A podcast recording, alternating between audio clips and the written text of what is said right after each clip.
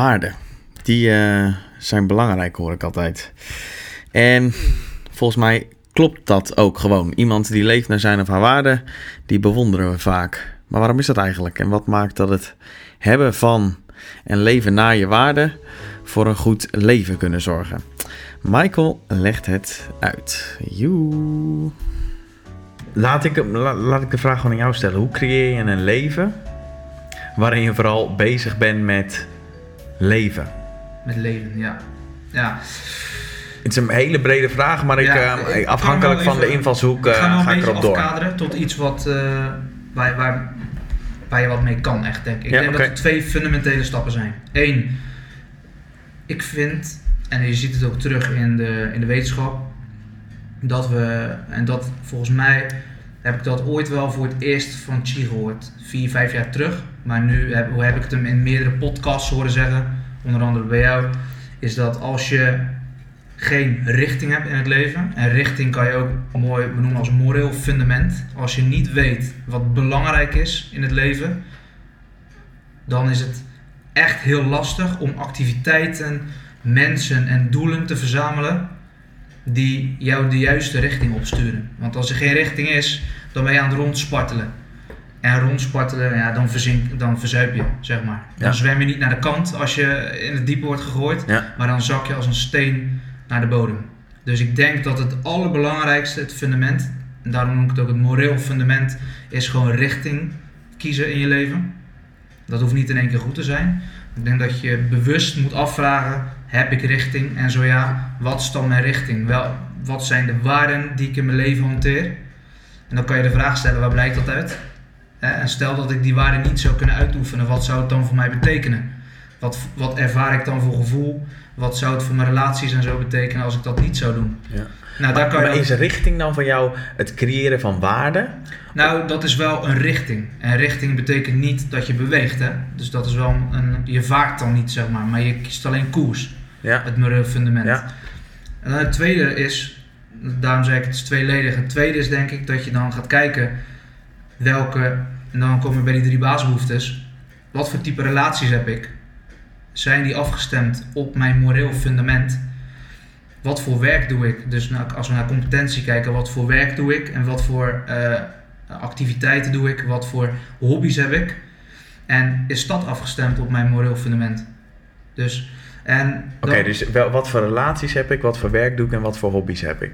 Ja, als eerste voor verbindenis en competentie. Ja. En derde basisbehoefte, autonomie, is In hoeverre heb ik vrijwillig gekozen voor dit ik leven? vrijwillig gekozen voor dit leven. Ja. Voor het moreel fundament, voor de activiteiten die ik doe, de hobby's die ik doe, het werk dat ik doe, de relaties die ik heb. En dan heb je denk ik een combinatie dus eigenlijk van richting kiezen, moreel fundament creëren. Dat tot expressie laten komen door middel van relaties, activiteiten en autonomie. En als je die twee dingen, nou ja, doet, dan is er in de meeste gevallen sprake van leven. Eigenlijk altijd. Want dat zijn de, de voorwaarden om te kunnen leven. En hoe je dat doet, je- hoe je jezelf dus voorziet en daarna zelfs misschien ook bevredigt in die basisbehoeftes. Ja. Ja, dat is gewoon eerst bewust worden van waar je je leven momenteel mee vult. Met wie heb je contact, hoe vaak? Eh, waar besteed je je tijd aan, hoe vaak? Wat doe je voor werk? Weet je, door alles in je leven gewoon eventjes langs de molen te halen. Eventjes. Eh, ja, niet eventjes, om langs de molen te halen.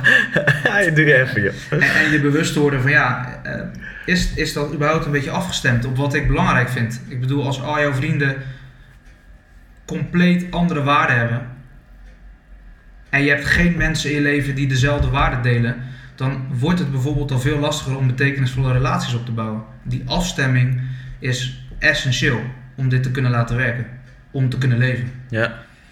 Dat is als mens, ik geloof ook dat je als mens intuïtief naar mensen trekt. Waarbij je het minst vaak zoiets hebt van, "Nee, dat eh, vind ik niet helemaal chill wat je nou deed.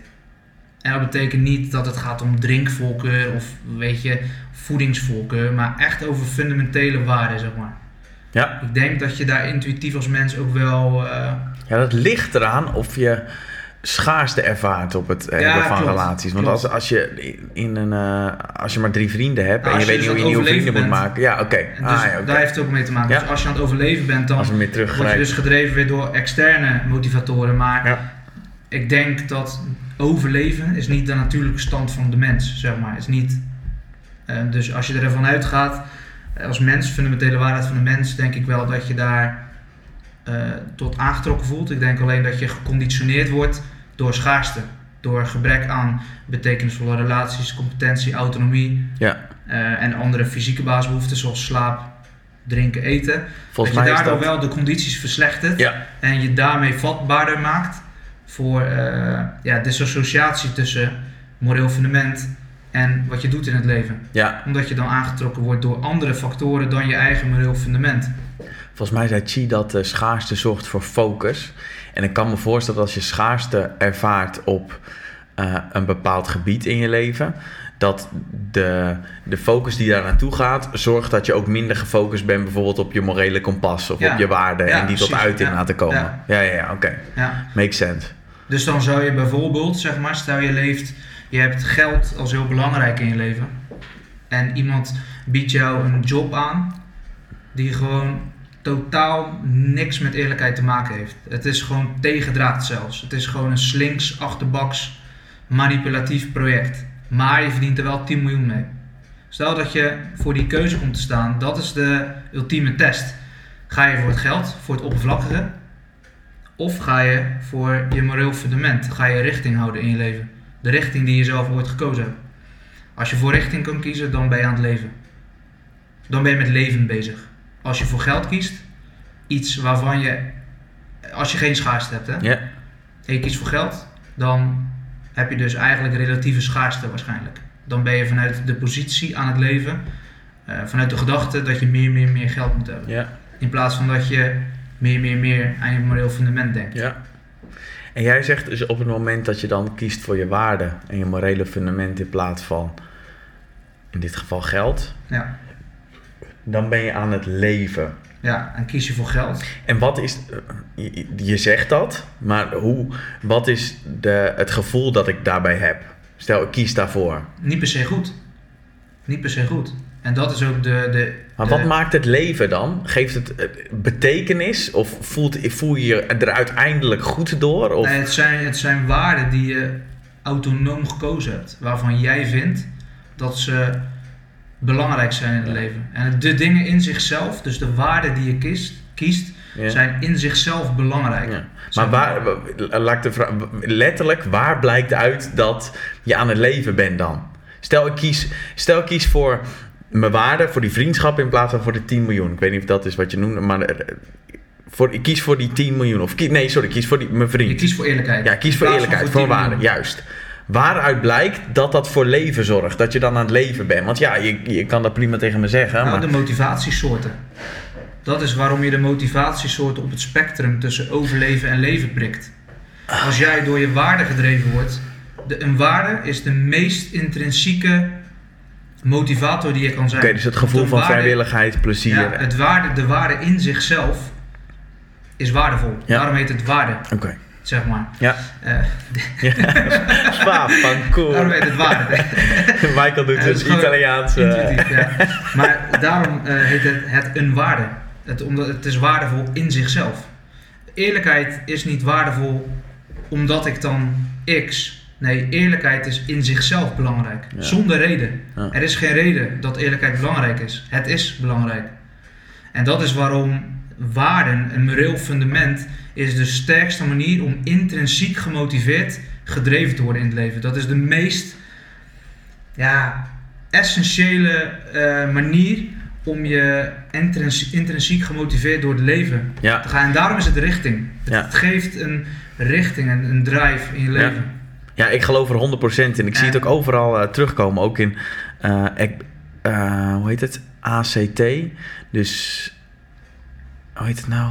Wat is de afkorting?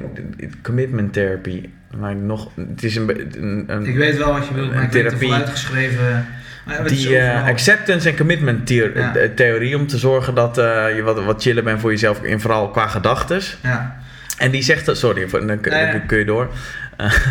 Eh, die zegt ook dat leven vanuit je waarden ook zorgt voor vertrouwen en voor een positiever ehm, verhaal wat je zelf vertelt en voor al die positieve Ja. dingen die eruit volgen. Dus ik zie het overal terugkomen en ik geloof het- er ook het is, in. Kijk, als, als van, van letterlijk van, van Seneca tot hè, Griekse filosofie, naar Oosterse filosofie, naar Boeddha, naar Jezus Christus, naar de Koran, naar iedereen die ooit een hartslag heeft gehad en iets belangrijks heeft gezegd. Waarde. De waarden. Het, is Ja. altijd, gaat om waarden. En ze hebben dan ruzie over wat de beste waarden zijn. Maar ze zijn het erover eens dat waarden is het vertrekpunt voor een leven. Ehm, en, en daarom, ja, waar, als je geen moreel fundament hebt, als je niks hebt om op terug te vallen, als al het oppervlakkige wegvalt, dan, is er geen, dan heb je geen fundering voor een goed leven. En dat is wat Chi zo sterk zegt. En niet alleen Chi, een, een hoop anderen, maar in Nederland vind ik dat zij het het beste verwoorden. Is dat als jij dit niet snapt, als je dit niet weet als mens, dan val je dus terug op macht en controle. Wat heb ik? Wat, wat, wat vinden anderen van mij? En hoe zie ik eruit? Het is het gebrek aan moreel fundament, het gebrek aan richting, zorgt ervoor dat je terugvalt Ja. op dingen die je intuïtief Hmm. aankomen vliegen. Betekent dit dan ook dat ehm, de waarden. Ik zeg, mijn volgende vraag was: hoe definiëren goede waarden? Wat zijn goede waarden? Maar die zijn uiteindelijk wel, hebben die te maken met die drie basisbehoeften natuurlijk. Die zijn er wel tot, tot terug te herleiden. Ja, die basisbehoeftes zijn eigenlijk wel instrumenten. Ja. Het zijn basisbehoeftes om, leven te kunnen, om te kunnen leven. Maar tegelijkertijd zijn het, ook, is het, zijn het ook de manieren waarop je voorwaarden creëert in het leven. Dat is wat ik helemaal in het begin ook zei. Die basisbehoeftes zijn onvoorwaardelijk zelf. Ja. Maar ze scheppen de voorwaarden voor leven. Ja. Omdat je tot op die drie manieren kan je eh, expressie geven aan je waarden. Ja, want laten we, de- laten we de waarde eerlijkheid nemen, wat volgens mij een, eh, een goede waarde is om te hebben. Ehm Waar blijft het? Nee. waar blijft het uit? nee. Ja, Oké, maar ja. laten we, die, laten we die dan plotten op de drie basisbehoeften. Ja, Iemand die eerlijk is en handelt. ja. Nou, die, he- die, heeft auto, die is autonoom omdat hij zelf voor die waarde kiest. Nou, stel dat hij het inderdaad voor elkaar krijgt om voor die waarden te kiezen in het leven. Ja, eh, dan is dat een autonome keuze. en daar zelf voor heeft gekozen omdat hij zelf eerlijkheid in zichzelf belangrijk vindt. Dus dat betekent niet dat hij eerlijk moet zijn omdat anders zijn vrienden hem afstoten. Dan is het alweer een andere motivator. Maar, dus we hebben het niet zozeer over eh, bepaald gedrag alleen maar. Je hebt het echt over, vindt iemand het een waarde? Is het een waarde in iemands leven? Dus stel dat dat zo is, eh, dan heeft hij daar zelf voor gekozen. Autonomie. Hij kiest er zelf voor om op die manier in zijn relaties te staan. Dus eerlijkheid inderdaad centraal te houden in wat je doet en communiceert naar de mensen waar je een relatie mee hebt. Dat schept dus al voor, voor zijn leven, in zijn moreel fundament, zorgt dat voor betekenisvolle relaties, onder andere. Als je dat hebt. Als je eerlijkheid hebt als waarde. En je bent dat in Oké, maar laten we zeggen, ik neem oneerlijk als waarde. Ja. Nou, dat is een autonome keuze, dus dat, dat De vergroot mijn vraag is autonomie. of je als mens eh, in staat bent om oneerlijk echt als waarde te kunnen zien. Je kan niet, ik denk niet dat je zomaar iets kan roepen en dit vind ik een waarde. Maar oké, maar eh, waarom het, eh, wat je net zei triggerde me, dat ze in verschillende gebieden en tijdsperiodes in de wereld het oneens waren over welke Ja. waarden belangrijk Ja. zijn. En ik probeer eigenlijk te zoeken naar wat zijn dan de belangrijkste waarden. Is dat universeel? Nee, ja, nee, zo- ik zou het oprecht niet weten. Ik denk wel dat er een aantal waarden zijn die, eh, zeg maar, makkelijker of sneller de condities scheppen voor een goed leven dan andere. Maar ik weet niet of dat dan per se beter is. Ik denk wel dat je duurzame waarden hebt. En eh, vooral in onze tijd iets makkelijker te praktiserende, Ja. pra- te praktiseren waarden. praktiseren. Ja, maar ik weet niet of het dan per se beter is, fundamenteel gezien. Weet ik niet. Ik denk wel dat je dat niet iedere waarde voor iedereen weggelegd is. Hmm. Wat zijn jouw waarden? Weet ik niet goed genoeg Hmm. om het echt eh, sterk Te kunnen ik probeer, ik articuleren. probeer waar ik vooral altijd mee zit, is ehm, hoe ver laat je het eh, tot expressie komen in alles wat je doet. Dus stel ik heb een bepaalde waarde, stel ik heb eerlijkheid als waarde. En ik heb tegelijkertijd. eh, ik heb tegelijkertijd rechtvaardigheid als waarde. En stel, mijn vader vermoordt iemand onterecht. Dan Ja. moet ik daar eerlijk over zijn naar de politie. Maar tegelijkertijd ehm, heb ik rechtvaardigheid. Dus stel ik zeg het niet. Of Ja. stel ik zeg het wel. Ja. Ja. Dan praktiseer ik ze allebei. Want ik ben rechtvaardig. Maar stel dat je En familie ook als waarde... eh, Ja, maar stel nou dat hij hem in mijn optiek terecht vermoordt. Want diegene heeft zijn waarde geschonden. Hij heeft daar wel verkeerd op gereageerd, want hij heeft hem vermoord. Als ik vanuit rechtvaardigheid spreek dan, dan is het ineens grijs gebied. Ehm, dus stel ik zeg het niet tegen de politie, dan kan ik voor mijn gevoel wel rechtvaardigheid praktiseren, maar niet eerlijk zijn. Dus ook weer mijn andere waarden schenden. Dus dan krijg je de vraag, moet je een hiërarchie hebben in waarden? Ja. Dat, daar bots ik vooral mee. Dus één, hoe, hoe ver laat je ze doorstromen? Want er zijn dus heel veel gebieden waar waarden met elkaar botsen. ja. En Kant zegt bijvoorbeeld, Immanuel Kant, die filosoof, zegt bijvoorbeeld, ja, fuck it, dat, je moet gewoon radicaal zijn. Maar de vraag is, dat, is dat realistisch? Ik Ja. denk, ik neig naar van niet. Dus Ja, ik ben dit, dit, is stoeien waar, van, ja, dit is waarom heel, tegenwoordig wordt heel vaak gezegd dat, dat de situatie, de context ook bepalend is voor het hanteren van welke waarden, Ja. toch? Dat, ja, en in principe, dat, dat, ehm, ik ben vooral Mark Mensen dat niet? Hè? Zegt Mark Mensen dat niet? Dat, dat, ja, dat- mensen is wel, eh, ik moet zeggen, hij eh, neigt wel steeds meer naar bijvoorbeeld het, het radicale. En ook radicale als in dat er waarden zijn die gewoon overstijgend zijn aan de menselijke subjectiviteit, zeg maar. Dus ik kan een bepaalde situatie als zodanig ervaren. Maar eigenlijk is in een bepaalde hiërarchie zijn er gewoon bepaalde waarden die gewoon objectief zijn. Die gewoon overstijgend zijn aan wat jij ervaart. Dus het boeit niet wat jij ervaart. Eerlijkheid is gewoon altijd. En Ja. dan zeg ik niet bijvoorbeeld dat eerlijkheid dat is.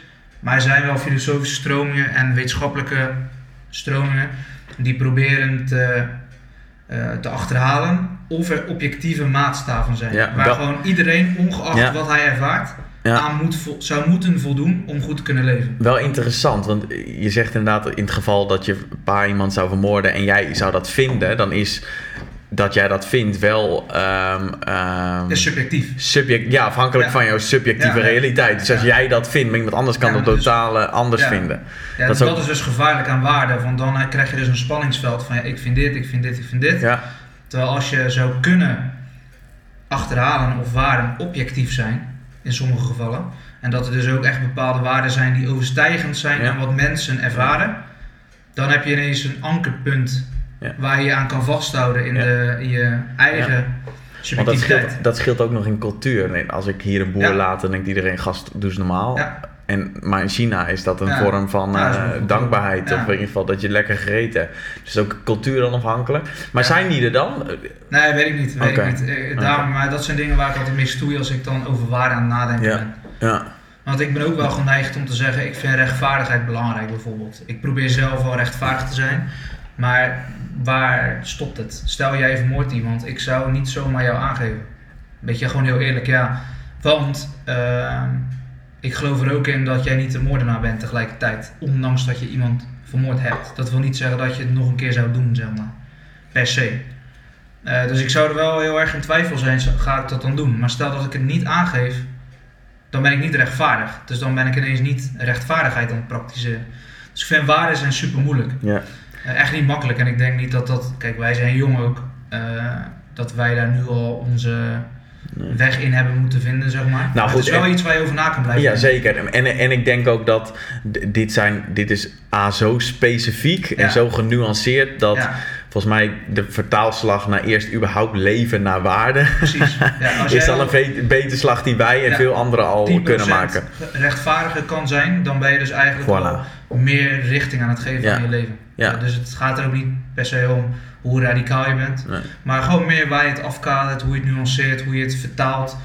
Bepaalt wel een beetje welke waarden je eh, op welke manier kan hanteren. Zeg maar. ja. Dat is eens. wel, eh, Eens. dus ja, ik heb niet specifieke. Ik- vind bepaalde dingen gewoon heel belangrijk.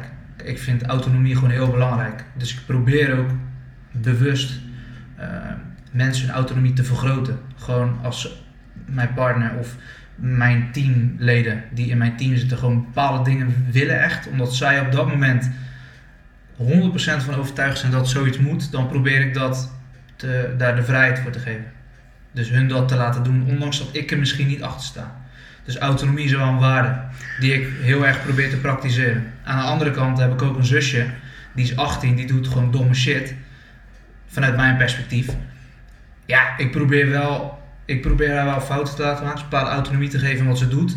Maar aan de andere kant laat ik het ook niet uit de klauwen lopen. Dus als zij echt gewoon op het punt staat om iets te doen wat permanente schade of serieuze consequenties kan hebben, dan zou ik haar er wel voor Ja. eh, kunnen stoppen en dan beperk ik haar autonomie. Dus ik ben letterlijk iets aan het wegnemen wat voor haar leven kan genereren in theorie. Maar aan de andere kant ben ik ook weer een andere waarde voor mij aan het praktiseren. En dat is de zorgzaamheid. Dus de- voor mijn familie en vrienden zorgen. Dus dat, dat is waar, Ja, en- waarde en- super belangrijk. En tough love is misschien wel wat ook wel voor sociale verbindenis zorgt, kan toch? zorgen op de lange termijn. Ja, op de lange termijn. Korte termijn is dat Ja. kut, maar lange termijn Nee. zal ze er wel... En dat, eh, dat is waarom je ook, ook, ja, ook natuurlijk een mythe is dat je altijd gelukkig kan zijn. Als ik soms, als ik waarde praktiseer, dan ben ik dood Ja. ongelukkig. Dus, maar we weten wel dat het streven naar waarde gelukkig maakt. En maar dat je in zichzelf niet kan verwachten dat je altijd positieve emotie ervaart of dat je altijd goed voelt. Maar het leidt wel tot geluk. Dus Ja. dat is wel een mooie reden ook om het naar geluk door te trekken. Waarden zorgen gewoon voor eh, geluk. Maar geluk is niet altijd een positieve gemoedstoestand. Exact. In de meeste gevallen voel je je gewoon kut. Ja. Als je datgene doet waarvan je denkt dat het belangrijk is. Ja. Dus bijvoorbeeld je zusje op dat moment ongelukkig maken. Maar ja, wel met een bepaalde... eh, Ja, toch vind ik, als ik daaraan denk, aan die situatie dat ik mijn broertje bijvoorbeeld tough love zou geven, omdat op dat moment, maar je moet het bijvoorbeeld... kijk, dat is niet leuk, want het zou voor confrontatie zorgen. En, maar ik, ik zou daar wel kracht uit, als ik erover nadenk, dan voel ik wel een soort van voldoening daaruit. Misschien niet leuk, maar... Dat is bijvoorbeeld... Ik ben geen ouder, dus het is niet vanuit dat ik spreek vanuit ervaringsdeskundige. Maar als ik nu terugkijk naar bepaalde dingen die mijn ouders mij niet lieten doen, bijvoorbeeld met geld. Mijn ouders beheerden altijd mijn geld, tot een bepaalde leeftijd. Ik was echt heel jong, maar volgens mij tot mijn twaalfde of dertiende zoiets. En toen kreeg ik al het geld dat ze ooit voor mij gespaard hadden. Maar tot dat punt zei ik bijvoorbeeld, eh, had ik eh, 200 euro gespaard na 80 jaar, zou ik geld krijgen. Toen zei ik, ik wil een Playstation kopen. Toen zei mijn vader nee. Ja, maar ik heb het geld gespaard. En soms zei hij gewoon nee. Waarom zei hij nee? Omdat hij wist dat we de week daarna op zomervakantie zouden gaan. En ik al dag alleen maar aan die Playstation dacht. En hij zei nee, omdat hij anders wist dat ik drie weken lang geen geld had om uit te geven in Italië. Achteraf, als je terugdenkt, ik was daar fucking boos over. Hè? Dan praat je een week lang niet tegen je ouders, bij wijze van. Iemand voelt zich sowieso kut, mijn vader. Want hetgeen waar hij het meest trots op is, doet gewoon een week lang kut tegen hem. Maar hij praktiseerde wel een belangrijke waarde. Ja. Zijn zorgzaamheid. En hij, Nee, maar ik, ik- jouw vader haalt daar wel, denk ik, als ik het op zo... de lange termijn. Ja, maar ook op dat moment is dat wel... Volgens mij geeft het wel een gevoel van kracht. Van oké, ik dit is kut, maar ik doe dit wel vanuit... eh, Ja, dat eh, ik, weet ik niet hoor, maar ik kan me dat voorstellen. Maar ik denk, eh, ik denk dat we best wel goed weten dat het meer aan de disciplinekant zit.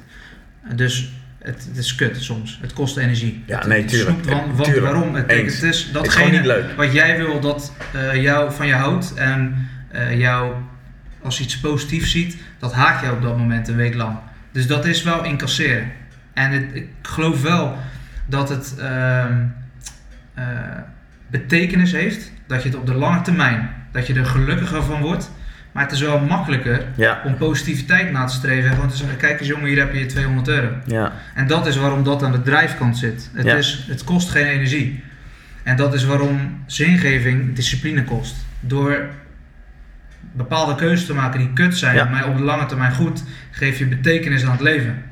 En dat is, dat is zingeving. Dan ben je actief aan het praktiseren om het leven zin te geven. ja, ja, En dat is nogmaals weer waarde. Je streeft, je hanteert waarde. ja.